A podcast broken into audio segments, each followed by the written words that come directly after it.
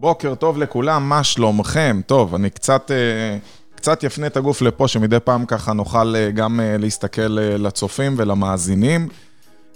הבוקר אנחנו עם גיא לוינטין, בפינה שלנו סקסספול. אני האמת מעיד על זה שאני מכיר את גיא מגלגול אחר, 20 נכון? 20 שנה.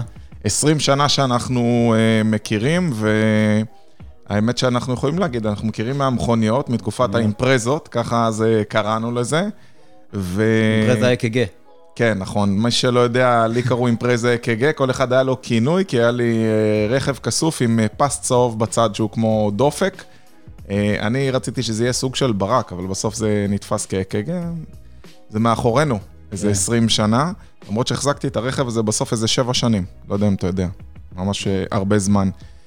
אז אה, ככה, אני וגיא נפגשנו לא מזמן, ופתאום גיא הפתיע אותי וסיפר לי שהוא עוסק במשהו אחר לחלוטין, ולא רק עוסק בזה, הוא מצליח מאוד במה שהוא עושה, ומאחר והוא כל כך מצליח, הזמנתי אותו לפינה successful, כי זה מה שאנחנו עושים, אנשים מצליחים. והיום אנחנו גם נלמד ממנו וגם נלמד עליו, אז גיא, בוא ספר לנו קצת שנכיר uh, מי אתה, מה אתה ובאמת במה אתה עוסק. אז uh, קודם כל בוקר טוב, באמת שיניתי לפני עשר שנים התחום אני עיסוק. בינתיים, ברשותך, אשתף את השידור שלנו, אתם גם מוזמנים לעשות אותו דבר. כן, שינית את התחום עיסוק. כן, שיניתי את תחום עיסוק. ב-2009-2010 התחלנו, אני ואחי, זיכרונו לברכה, ללמוד את השוק בארצות הברית. ב-2011 באמת ביצענו את רוב הרכישות בתוך משבר הסאב פריים, משבר הדיור הגדול. אה, ובאמת האסטרטגיה הייתה לקנות אה, דיור, אה, לקנות דירות ובתים להשכרה, ולהישאר איתם, בעצם להחזיק אותם לאורך זמן, mm-hmm. וליהנות מתזרים, מתזרים חיובי. אז, אז באמת רציתי עם אלעד לעבור על כמה סוגים של עסקאות, של נכסים. כן, אנחנו נרצה ללמד אותם, אבל אתה יודע, אחד הדברים החשובים זה קודם כל להבין שאנחנו הולכים ללמוד מבאמת מצליחן, אז אתה מאוד מאוד צנוע, ואתה מספר ככה, אתה יודע, יש הרבה אנשים שאומרים שהם מתעסקים בנדל"ן בארצות הברית. ברור. אז בוא תן לנו טיפה מספרים, אין מה לעשות, אתה לא תתחמק מה, מהתוכנית, יש פה פורמט, אז uh, אם אתה יכול לחלוק איתנו קצת, לפחות להגיד לנו היקפים, נכסים, סכומים, כמה זמן אתה בתחום, איך אומרים, שיבינו למה להקשיב לך. כן, אז uh, התחלתי, כמו שאמרנו, התחלנו, אני ואחי התחלנו ללמוד את השוק ב-2009-2010, והתחלנו לעשות רכישות עבור, uh, עבור עצמנו, בעצם עבור הפורטפוליו האישי שלנו ב-2011, ומסוף 2011 אנחנו עובדים עם משקיעים. התחלנו בעצם לגייס משקיעים Friends and Family ולקנות כמות גדולה של יחידות דיור, בתים פרטיים, condos, multi family, שעוד מעט נדבר מה ההבדל בין condos, multi family, single family וכל ה... נדבר על כל, אה, על כל סוג עסקה, וגם, וגם רציתי לדבר גם קצת על התשואות הצפויות אה, מכל סוג עסקה, וכל משקיע שנכנס לעסקה, בעצם מה הוא יכול לצפות אה, להניב מכל סוג עסקה, ואני אתן קצת את האסטרטגיה שלי על מה אני חושב שקורה. אז באמת, כמו שאמרתי, אנחנו סוגרים עשר שנים. מה היקף נכסים, היקף השקעות, היקף משקיעים? אתה יכול לדבר טיפה מספרים? פחות נוהגים לדבר, אנחנו יושבים, היום פורטפוליו של בסביבות 100 מיליון דולר אה, בנכסים, אה, חלקם נכסים כבר מסחריים, אה, מרכזים מסחריים פתוחים, יש לנו בית מלון בבנייה, יש לנו כמות גדולה של נכסים, אבל עשינו בעצם איזשהו שינוי, איזשהו שיפט, ועשינו אבולוציה מסוימת יחד עם, ה, יחד עם מה שקרה בעצם בשוק מ-2011 עד עד עכשיו. אז היה באמת חשוב לי, איך אומרים, שיבינו שהמאה מיליון דולר נכסים, זה, אתה יודע, זה לא מישהו שקנה שתי דירות, כי יש כאלה, שקנו שתי דירות בארצות הברית, ועכשיו הם גם יועצים, זה כמו הרבה בעלי עסקים, לא נעים להגיד, אני מכיר כמה כאלה שנכשלו בתחום שלהם, ואז הפכו להיות יועצים, אתה יודע, לייעץ זה הכי קל. אז היה חשוב לי אה, מאוד להגיד ש... גיא הוא באמת אחד שהצליח, גיא הוא בן אדם יותר אה, שקט ואיך אומרים, צנוע. מופנם. כן, מופנם. נכון. ופה מי שאיתנו בשידור בלייב יכול לראות את הלוח, מנחם פה מחמיא לנו על השינוי בלוח, הוא מנחם עוקב ותיק שלנו. כן, תודה. אז, אה, אז תן לי להבין רגע, כי מדברים המון על השקעות בארצות הברית, אז אנחנו היום הייתי שמח לקבל ממך סקירה שאומרת, קודם כל, מה הם סוגי ההשקעות שיש בארצות הברית? איזה סוגים יש? ואתה, בתור בן אדם שנמצא בתחום הזה, מה להערכתך הטרנד הבא? מה היום מרוויחים הכי הרבה? אני יודע שהיה בתקופת השפל הגדול, היו קונים, היו אומרים, אתה יכול לקנות אה, בית ב-20 אלף דולר, שרק עלות הבנייה הייתה 40-50 אלף דולר, נכון. אבל לפי מה ששמעתי, התקופה הזאת כבר נגמרה. ההזדמנויות האלה נגמרו, הבתים האלה כבר לא עושים את ההחזרים שלהם. אז בוא תפרט לי אה, בשפת העם, מה שנקרא, איזה סוגי השקעות יש ומה היתרונות ומה החסרונות. כן. אז, אז נתחיל לסקירה קצרה. אה, באמת, אם נסתכל אה, מלמעלה, קודם כל נדבר קודם על נכסים למגורים. אה, ניכנס אחר כך, אפשר לגעת בנכסים מסחריים. נכסים מסחריים זה, זה פודקאסט, אני חושב שזה פודקאסט בפני עצמו. מגיע לנכסים מסחריים, מגיע במה רצינית. אבל בואו נתחיל מנכסים למגורים, שזה דבר שרוב האנשים מכירים ורוב האנשים בעצם נחשפים לזה, כמו שאמרת, ברשתות ובערוצי פרסום. אז נכסים, בואו נתחיל מהקל אל הכבד. אנחנו מכירים את המונח דירות, אה, דירות קונדוז, מה שנקרא קונדו, אה, קונדומיניום, בעצם קונדו זה קיצור של קונדומיניום, וזאת בעצם דירה אה, שאתה כרוכש יכול לקנות אותה בנפרד בתוך, בתוך מקבץ דיור. בעצם כמו דירה שאנחנו מכירים מהארץ, שיש... בבניין דירות. בבניין דירות, יש okay. אוקיי. ועד בית, יש, יש ועד בית, אתה קונה דירה, לכל דירה יש את הטאבו, בארצות הברית זה נקרא טייטל, את הטאבו שלה, את נסח הטאבו שלה, ואתה קונה mm-hmm. דירה כחלק מבניין, ואו גר בה או משכיר אותה, אתה יכול לעשות כל דבר עם הדירה הזאת, כל עוד זה עומד בקנה מידה עם חוקי ה-association. ה-association בעצם זה ועד הבית. Mm. ועדי הבית בארצות הברית הם, הם, הם, הם יותר חזקים מוועדי הבית בארץ, זה דבר שיש לו חוקים. צריך לשלם אגרות מסוימות, עמלות מסוימות, וגם אה, יש לך כלול בבניין גם השטחים המשותפים, בריכה לפעמים, חדר כושר, חנייה, תחזוקה, תחזוקת שטחים משותפים, גינון וכן הלאה. זאת אומרת, זה איזושהי חברת ניהול נקרא לזה, שהיא מובנית כחלק מהבניין ומנהלת את הבניין ודואגת בעצם שהבניין יהיה נקי ומסודר, לא משנה אם אתה גר שם ולא משנה אם אתה בעלים של דירה ומשכיר אותה הלאה. אז בוא נגיד, אם אני מסתכל מגבוה, בן אדם שלא רוצה לנסוע לארה"ב ולא רוצה להיות שם, ורוצה לקנות בשלט רחוק, הכי נכון זה לקנות אה, קונדו, איזשהו קונדו במקום טוב. למה? כי זה הכי פחות סיכון? אני לא אגיד הכי פחות סיכון, היא, תמיד יש חשיפה ל... קודם כל אני האחרון שאומר שאין סיכונים בהשקעות, כי זה, אבל בוא נגיד... יש סיכון לקום בבוקר, ברור, יודע. יש נכון. יש סיכון בכל דבר, מי שנכנס לעסקים. בוא נגיד זה הכי פחות, נקרא למילה, הכי פחות תפעול. זאת אומרת, אוקיי. יש הכי פחות תפעול בקונדו, כי בעצם יש לך איזשהו ועד בית שהוא דואג לתחזוקת שטחים משותפים, לגינון, אה, אה, לניקיון, לתחזק את הבריכה, חדרי כושר וכל, ה, וכל הדברים, ובעצם הדייר, אתה רק צריך לגבות אה, שכירות מהדייר ולתקן מה התשואה שבן אדם שקונה קונדו יכול לצפות לה? אז, אז לדעתי באמת כל, ה, כל, ה, כל התשואות... שוב, רק הערכות מניסיונך, נכון, אתה יודע. נכון, אני רק אגיד הערכות מניסיוני.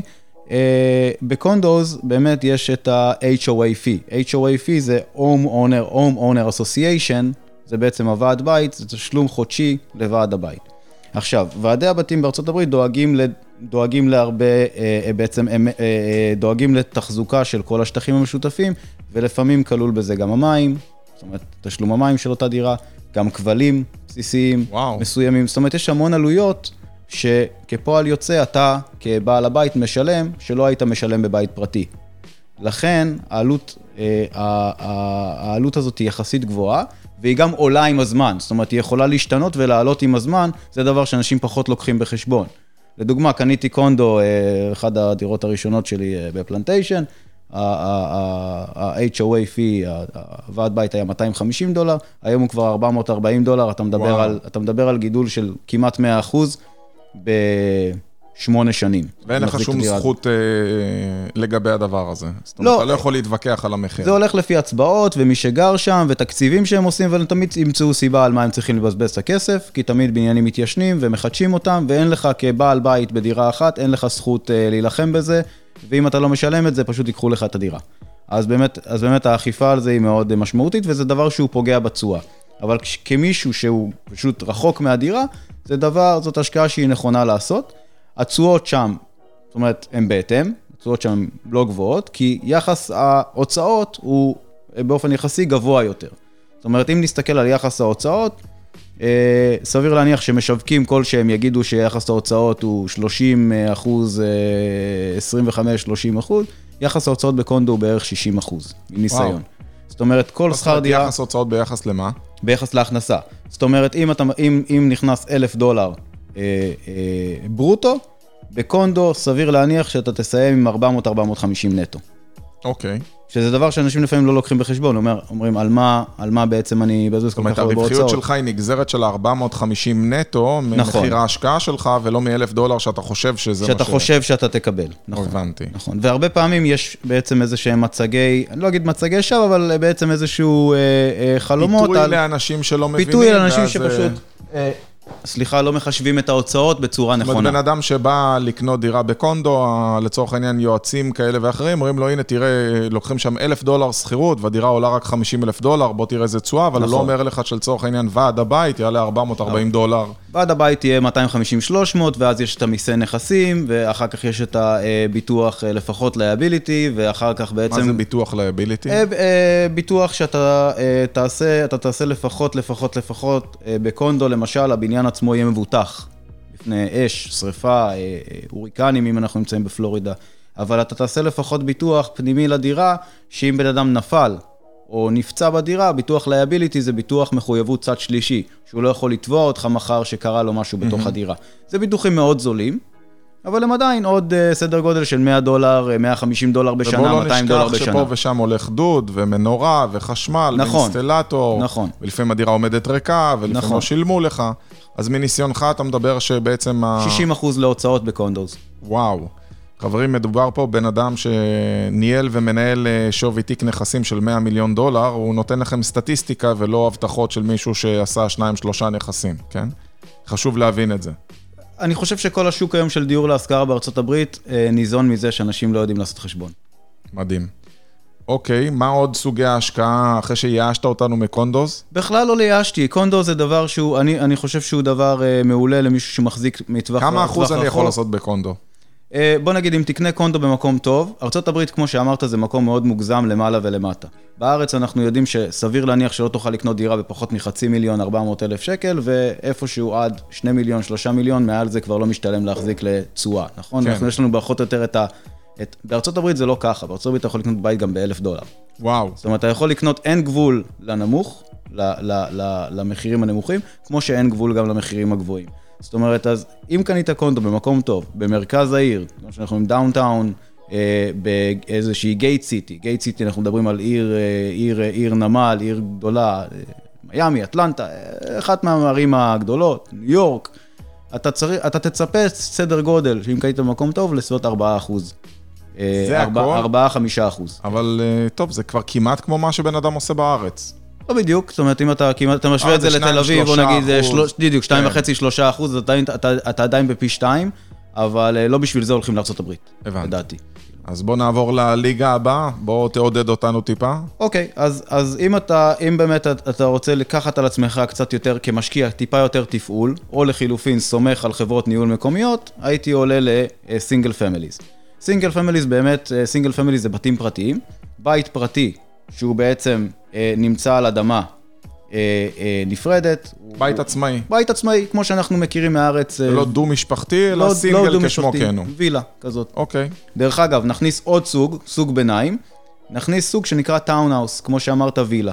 townhouse הוא, הוא בעצם איזשהו hybrid, בעצם איזשהו בן כלאיים. בין הכלאה, בין בית פרטי ל condo. למה? כי בחוקים הוא כמו condo, בגלל שהוא מחובר לכל הבתים האחרים אז הוא נחשב, אז, אתה, אז בעצם תחזוקת שטחים משותפים היא אה, כוללת לכל הבניין, אבל הוא בית פרטי, הוא נמצא על הקרקע. נמצא על הוא- הקרקע, אבל זה בעצם כמו רכבת כזאת של אה, נכון, בתים. נכון. אז וגם שם יש ועד בית. גם שם יש. ועד בית, לרוב יש בריכה, יש חדר כושר, יש amenities מסוימים באזור, לפעמים, לפעמים זה גם gated, זאת אומרת שכונות Amenities? סגורות. amenities amenities זה, כל מיני מיסים. לא, amenities זה מגרשי כדור, ספורט, אה, חדר, חדרי כושר, בריכה, כל הדברים שהדיירים יכולים להשתמש להנאה שלהם באזור, זה דברים שלא יהיה לך למשל בסינגל שזה פמילי. מעלה את ערך הנכס, אבל גם מעלה את זה, התחזוקה. זה, מעלה את, זה מעלה את ערך הנכס עבור הסוחר, ו- או עבור הקונה.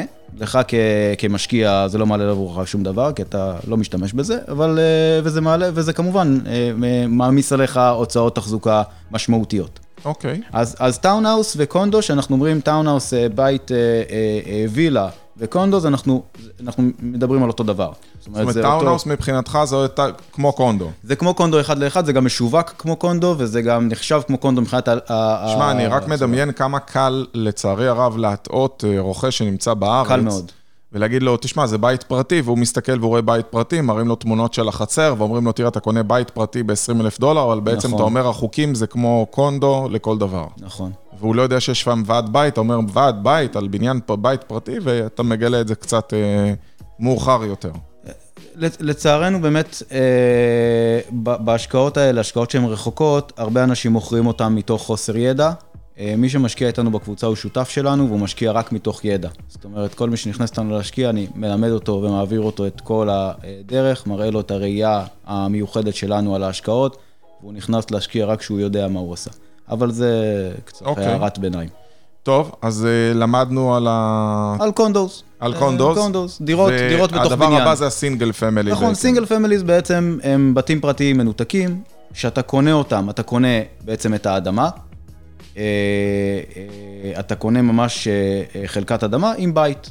זאת אומרת, יש לך החזקה על האדמה, האדמה היא שלך, אתה לא צריך לשלם ועד לאף אחד, אף אחד לא יגיד לך לרוב מה לעשות עם האדמה, חוץ מחוקים סביבתיים, שאתה צריך לכסח את הדשא, או לעשות דברים מסוימים לפי חוקי עירייה, כאלה או אחרים.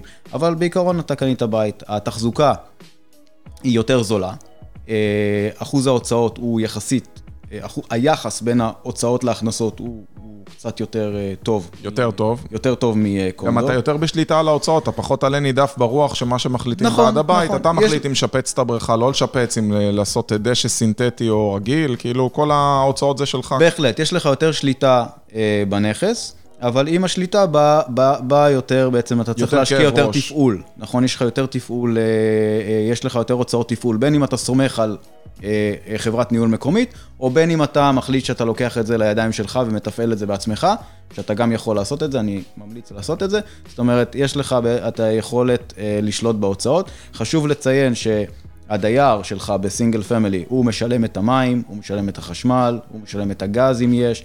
זאת אומרת, כל ההוצאות מסביב נופלות עליו. הוא, מש... הוא מכסח את הדשא ומשלם עבור תחזוקת הגינה. זאת אומרת, מעבר לארנונה, שזה נקרא מיסי נכסים, בארה"ב זה נקרא property tax, חוץ מה-property tax והביטוח, אה, אה, וכמובן הוצאות תחזוקה, אה, במקרה ומשהו נשבר, מכשירי חשמל, מזגן, דברים כאלה, אתה לא משלם איזה, אף אחת מההוצאות הקבועות שלו, של הדייר. מה התשואות שבן אדם אה, צופה לעצמו? קודם כל, מה טווח הנכסים שבן אדם יכול להיכנס לשוק בשביל להשקיע בנכס כזה של סינגל פמילי? כן, אז, אז נכון, קודם כל זה נכון גם לקונדוס, אנחנו יודעים שבעצם המחיר של הבית לא עולה בקורלציה, בהתאמה, עם, אה, עם מחיר השכירות. לפעמים בתים זולים יושכרו באופן יחסי במחיר יותר גבוה ממה שהם, אה, ממה שהם שווים, ובתים יקרים יותר, לא תמיד השכירות תהיה... תתאים ל, ל, ל, לעליית ערך הבית. שכירות נקבעת מיכולת כלכלית של אנשים לשלם, ומחיר הבתים נקבע מהיצע וביקוש בשוק. אז כמובן שחשוב לציין את זה. עד, עד סדר גודל, לא הייתי קונה בתים להשכרה אה, מעל, בוא נגיד בסדר גודל של בין 100 לעד 250 אלף. למה לא פחות מ-100? כי כנראה... דולר, כן? רק דולרים, כשאני אומר דולר... אה, סכומים זה רק בדולרים. כן, כי אין, אין טעם לעבור את התרגום. אז לא הייתי מתעסק עם בתים אה, של פחות מ-100 אלף דולר, כי האזורים, נכון לשוק היום, יהיו אזורים אה, קשים, ולא הייתי עולה מעל 250, כי בעצם אה, השכירות לא תעלה בערך... באופן יחסי. באופן יחסי. כבר הרווחיות יותר נמוכה. עם, עם, עם עליית, עם עליית המחיר. אז ב single family כזה, מה, מה צפוי לי פחות או יותר? אם אמרת שאנחנו לא מכירים את ההוצאות ב condo, וב condo, מה שנקרא דירה אצלנו, זה לפעמים יכול להגיע ל-60 אחוז הוצאות. נכון. מה אתה צופה שב condo יהיו לי ההוצאות, כדי שאני אדע לעשות בסינגל פמילי? בסינגל פמילי אתם מדברים על בין 40 ל-50 אחוז להוצאות. אני אסביר גם עוד משהו לגבי ההוצאות. יש משהו אחד שאנחנו גם לא לוקחים בחשבון לגבי ההוצאות, וזה נקרא, בשפה המקצועית זה נקרא CAPEX, זה נקרא capital improvement, אה, שיפורים בנכס. כל כמה זמן הנכסים האלה צריכים, בעיקר single family, צריך להחליף להם גג. צריך להחליף להם מטבח, אמבטיות, לשפץ, לצבוע, ריצוף, אה, אה, טיח בחוץ, חלונות פה ושם נשברים, מזגנים שאתה צריך להחליף. כל ההוצאות האלה הן בגדר, זה נקרא CAPEX, Capital Improvement, ואנחנו בדרך כלל לא מכניסים אותם אה, לחישוב.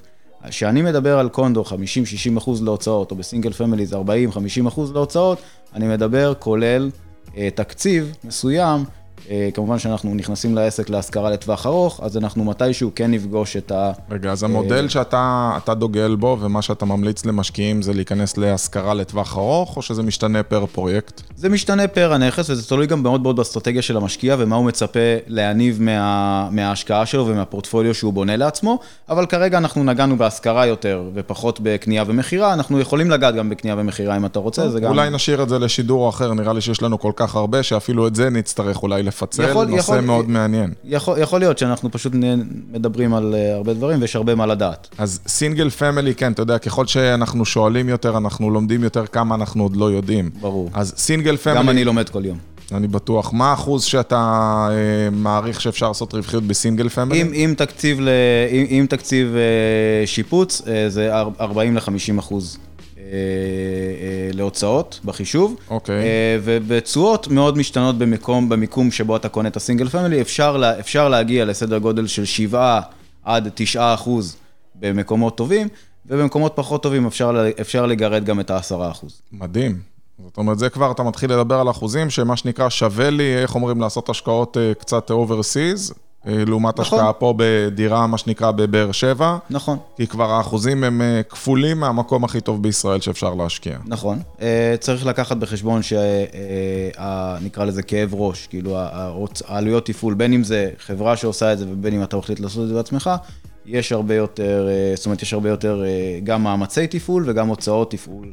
אה, בשוטף. אפשר באמת לנהל כזה דבר מרחוק? זאת אומרת, בן אדם שאתה אומר, הוא יתפעל את זה, אז הוא יכול לתפעל את זה באמת מרחוק? כשהגעתי לארה"ב הייתי שם אה, אה, חצי שנה, שבניתי את ה... בניתי, התחלתי לבנות את העסק, ובתקופה ארוכה ניהלתי את זה מרחוק. הייתי סדר גודל של 150 בתים מרחוק. וואו, הגעת ל-150 בתים מרחוק. הגענו כבר ל-200 בתים. בשיא, אבל 150 אה, שאז בזמנו ניהלתי מרחוק.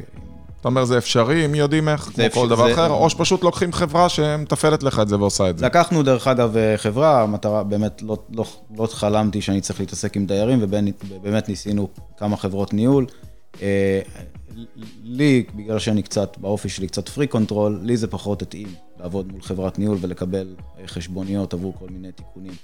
ניהול עצמאי, כל הנכסים שלנו, גם היום, כל הפורטפוליו שלנו מנוהל בניהול עצמאי, בין אם זה עובדים שלנו, אה, בין אם זה עובד אחד שהוא אה, אחראי על כמה נכסים. אה, זה נתן לנו שליטה פנומנלית בהוצאות. מעבר ל... שזה כל... מגדיל את הרווחיות. גם אם הרווחיות היא בסוף אותו דבר, השליטה mm-hmm. היא, ערך, היא ערך עליון, לדעתי. מדהים. לדעתי. אז אם אנחנו מדברים על single family, השלב הבא שלנו זה multi family? נכון, אנחנו יכולים לעבור ל multi family. אני אגיד רק מילה אחרונה לגבי condos ו single families בהקשר של עליית ערך. וראינו את זה גם לאורך הזמן, ראינו את זה בתקופת ה...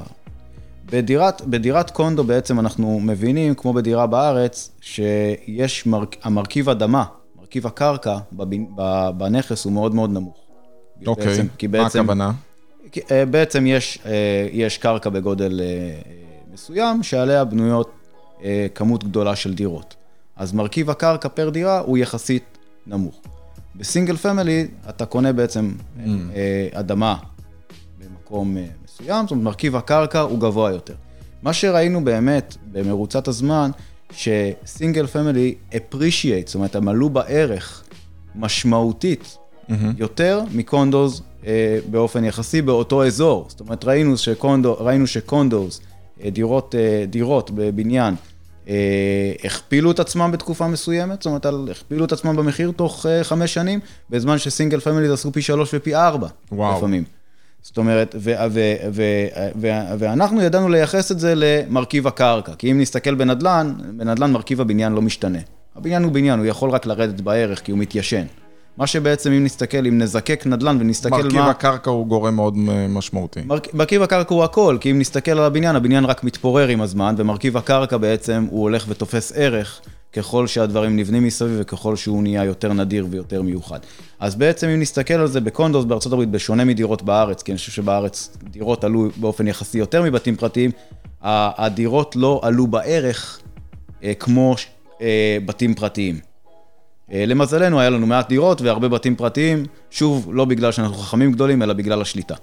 אז אה, זה, זה, יצא נטו, זה יצא נטו מזל. אבל בזמן, באמת, condos הכפילו את עצמם בתקופה מסוימת, ו single families באמת שילשו ועשו לפעמים גם פי ארבע. אני חושב שאחד הדברים החשובים, שאתה עובד עם מישהו שהוא יודע מה הטרנדים בתחום שלו. וכמו שאמרת, אתה בעצם עוקב אחרי השוק כל הזמן, ואני יודע שאתה פתאום מנזיל, לוקח כמות מסוימת, מוריד אותה, קונה משהו אחר, היה לך לא מזמן איזו השקעה במרכז מסחרי נכון. שהצליחה מאוד. עכשיו נכנסת לאיזו השקעה בפרויקט מטורף שקנית קרקע, אנחנו קוראים לזה במחירי קורונה, שליש ממחיר הקרקע, עם אפשרות לעשות שם איזה 25% בשנה על הכסף. היום אנחנו חברת יזמות, נכון. כן, שזה כבר נושא, לה, איך אומרים, לדיונים הבאים. אבל כמובן מי שירצה לדבר ולשאול אה, שאלות את גיא, אני מאמין שאתה תענה לו. אני תמיד מלמד, תמיד עוזר לדעת. אני אומר, אתה בכלל לוקח, אנשים אה, שואלים פה בשידור אם אתה מלווה, איך אתה עושה? אתה מלווה, או לא שאפשר מלווה. להיכנס בהשקעות? אני, או... אני לא מלווה משקיעים בהשקעה, אני משקיע כסף שלי, משקיע בעצמי, ומצרף שותפים איתי להשקעה. זאת אומרת, מי שרוצה יכול להיכנס שותף ביחד איתך כאשר אני משקיע, אני משקיע בעצמי אה, כסף שלי בפרויקט, והמשקיעים משקיעים יחד איתי. בפרויקט הזה שסיפרת לי עכשיו עם המרכז הזה, עם ה-25% תשואה בשנה או משהו כזה, אני לא רוצה להיכנס לזה כרגע. כן, יש לא מקום? לזה. אם רוצים? יש קצת מקום. כן. אוקיי. בוא נמשיך רגע כן, ב... כן, בוא, בדיוק, נגיע נמשיך, ל... נמשיך, אנחנו במולטי פמילי. נזכור, נזכור את כל כן. ה... נסיים אם לזכור. נספיק, אם כן, נספיק. אם נספיק. אז, אז מולטי פמילי. מולטי פמילי באופי שלו הוא מאוד דומה לדירות, לדירות condo שדיברנו עליהן קודם, בעצם שיש מקבץ יחידות דיור, רק ההבדל העיקרי כאן, שבמקום שיהיה בעלים נפרד לכל דירה, יש חברה אחת שמחזיקה בעצם את כל הבניין. זאת אומרת, אתה כבעלים של multi family, אתה בעלים של כל הבניין. בין אם זה ארבע יחידות, multi family למעשה זה החל משתי יחידות. זאת אומרת, אם, אתה, אם יש לך שתי יחידות באותו מקום, זה כבר multi. חוקית, מסתכלים על זה מעל ארבע יחידות, זה כבר multi family, זה כבר בניין. ובעצם אתה כחברה אחת מחזיק בניין אחד, מקבץ יחידות אחד, באותו מקום, תחת אותו ניהול, ואז בעצם יש לך מנהל במקום, המנהל אה, בדרך כלל הוא נקרא supervisor, super... סוג ב... של אב בית כזה? סוג של אב בית, כמו שיש לך כאן. זה נקרא, בקיצור, בשפה זה נקרא super, supervisor, הוא לפעמים גר בדירות, הוא גר באחת הדירות, והוא בעצם אחראי לתחזק. הוא אחראי לאסוף את השכירויות מהדיירים. שווה להחזיק בן אדם בשביל ארבע יחידות? אנחנו נדבר על זה, ואנחנו נבין, נבין איפה עובר הגבול ששווה. וואו. וגם איזשהו גבול שעובר. זה מדהים כמה ידע צריך בשביל דבר כזה, ולא פלא, אני חושב, למה אנשים חוששים ומפחדים, כי כמות הדברים הלא ידועים היא מאוד גדולה, ואני יכול להבין למה אנשים במרכאות נעקצו, או לא הרוויחו, או הפסידו, או מכרו להם. צריך לחיות את זה, זאת אומרת. לגמרי. אז אם אנחנו אה, נעשה סיכום רגע לגבי multi family, מה הסכום אה, כניסה לקנות multi family ומה אחוז הרווחיות שיכול להיות לי שם? אז, אז multi family באמת אנחנו, אנחנו אומרים, המספר עובר בערך סדר, סביב סדר גודל של 40-50 יחידות, זאת אומרת לא, לא משתלם בדרך כלל לנהל פחות מ-40-50 יחידות שהם נמצאים במקום אחד. למה? כי עלות הניהול ה overhead של הניהול, העלות התקורה mm-hmm. של הניהול תהיה גבוהה אה, יותר, תצטרך להחזיק מנהל שבעצם מגיע ואיזשהו מישהו שמתחזק, זאת אומרת, הגבול עובר, זה גם במלונות, זה נכון גם למלונות. אם תסתכל במלונות, אז אומרים שמ-50 חדרים, מלונות בוטיק של 50 חדרים ומעלה, אתה בעצם יכול uh, to self בעצם להחזיק אותם כ... So, הגבול עובר, סדר גודל, אנחנו לא מסתכלים אף פעם פחות מ-40-50 יחידות במקום אחד.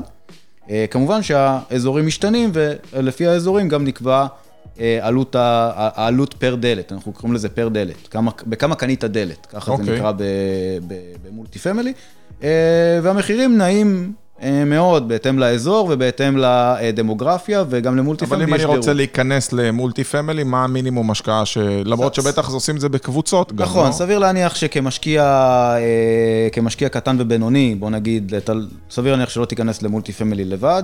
לקנות מולטי פמילי במקום טוב, אתה מדבר, זאת אומרת, עניין של כמה מיליונים, סדר גודל של, בוא נגיד, להתחיל מ-100 ל-150 אלף דולר ליחידה. במקום, במקום סביר. כמובן שככל שהדירוג של המקומות, דירוג של המיקום יורד והדמוגרפיה ואיכות הדמוגרפיה אה, אה, יורדת, ככה גם יורד המחיר. ה... ככה גם יורד המחיר, עולה התשואה, כמובן. אז מה התשואות באמת ב multi family? אה, שוק ה multi family הוא, הוא קצת הוא קצת מושפע מ, אה, מגורמי מקרו אחרים.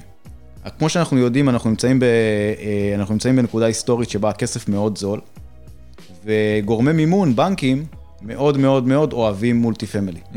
וזה גרם להם להוריד ריביות. ספציפית על multi family. ספציפית על multi family. קרה עוד משהו מעניין, ש REIT, real estate investment trust, זה בעצם... קרנות מח... שמתעסקות נכון, בהשקעות נכון, בנדל"ן. נכון, זה בעצם מכשירים, מכשיר פיננסי של אה, דרך להמונים, להשקיע בנדל"ן דרך שוק ההון, זה נקרא REIT, בקיצור, real estate investment trust, זה בעצם קרנות של נדל"ן, כמו שאמרת.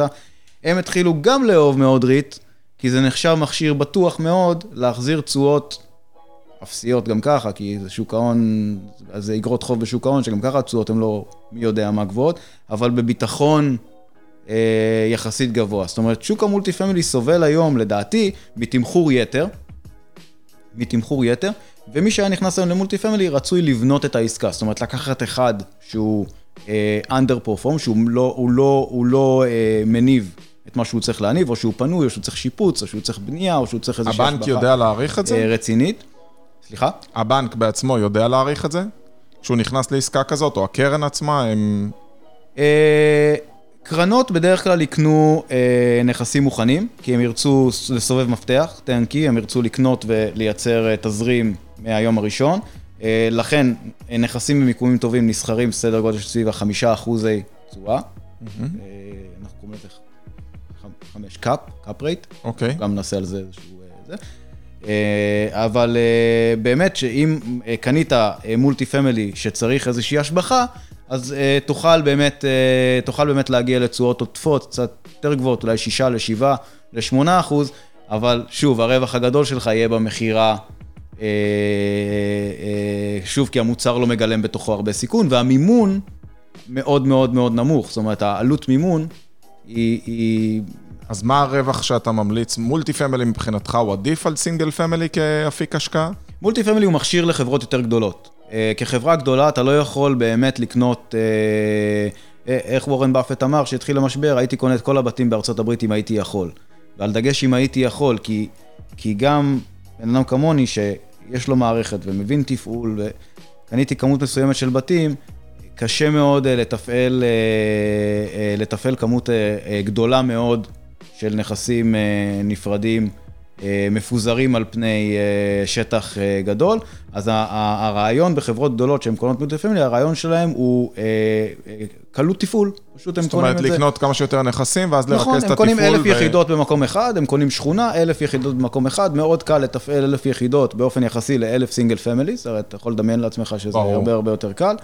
אה, אה, ואז בתוך המקבץ הזה מעלים את השכירות, יש איזה אפסייד, איזה עלייה מסוימת בשכירות, יוצא דייר, הם משביחים את הדירה הספציפית, מנסים להשכיר אותה בקצת יותר, ובאמת עם הטרנובר ועם הזמן, הם מעלים את הנכס, משביחים אותו, ובסוף הם מוכרים אותו או לקרן אחרת כמוהם, או מממנים אותו מחדש על ידי בנק. אז אה, אנחנו נעצור בשלב הזה רק עם סיכום קטן שהייתי שמח לקבל ממך. אז אם עכשיו יש לי 100 אלף דולר בצד והייתי רוצה להיכנס להשקעה, מה היה האפיק שהיית ממליץ לי להיכנס מכל מה שתיארת עד כה? אה, מאוד מאוד מאוד נשנה, מאוד חשוב אה, לבחור לעצמך מה היית מצפה לעשות, אם אתה מצפה לשמר את עלות הכסף, או שאתה בונה קפיטל. אני רוצה תשואה מרבית לאורך זמן. תשואה מרבית באורך זמן היום זה לפי האסטרטגיה שלי זה רק development, רק בנייה חדשה, זאת אומרת באמת ליצור שזה בעצם מה שאתה עושה מה היום. שאני עושה, כן, עבור הפורטפוליו שלי ועבור המשקיעים. איזה אחוזים עושים בעסקאות כאלה? אה, התשואה העודפת היא גבוהה, אה, אנחנו מסתכלים על תשואות של רק מעל 20 אחוז בצד של המשקיע. וואו. אנחנו לא נכנסים לעסקה אם אנחנו לא יודעים לתת בצד של המשקיע לפחות 20 אחוז. אז תקשיב, עד כמה שזה מאוד מאוד מעניין אותי, אנחנו נקדיש לזה את השידור הבא, נראה לי שאני פשוט אזמין אותך פעם נוספת, ואם עד אז מישהו ירצה, הוא פשוט אה, ייצור איתך קשר. גיא, אני מאוד מאוד מודה לך, החכמתי המון אה, בשידור הזה, ואנחנו נשתמע בשידורים הבאים. תודה, תודה.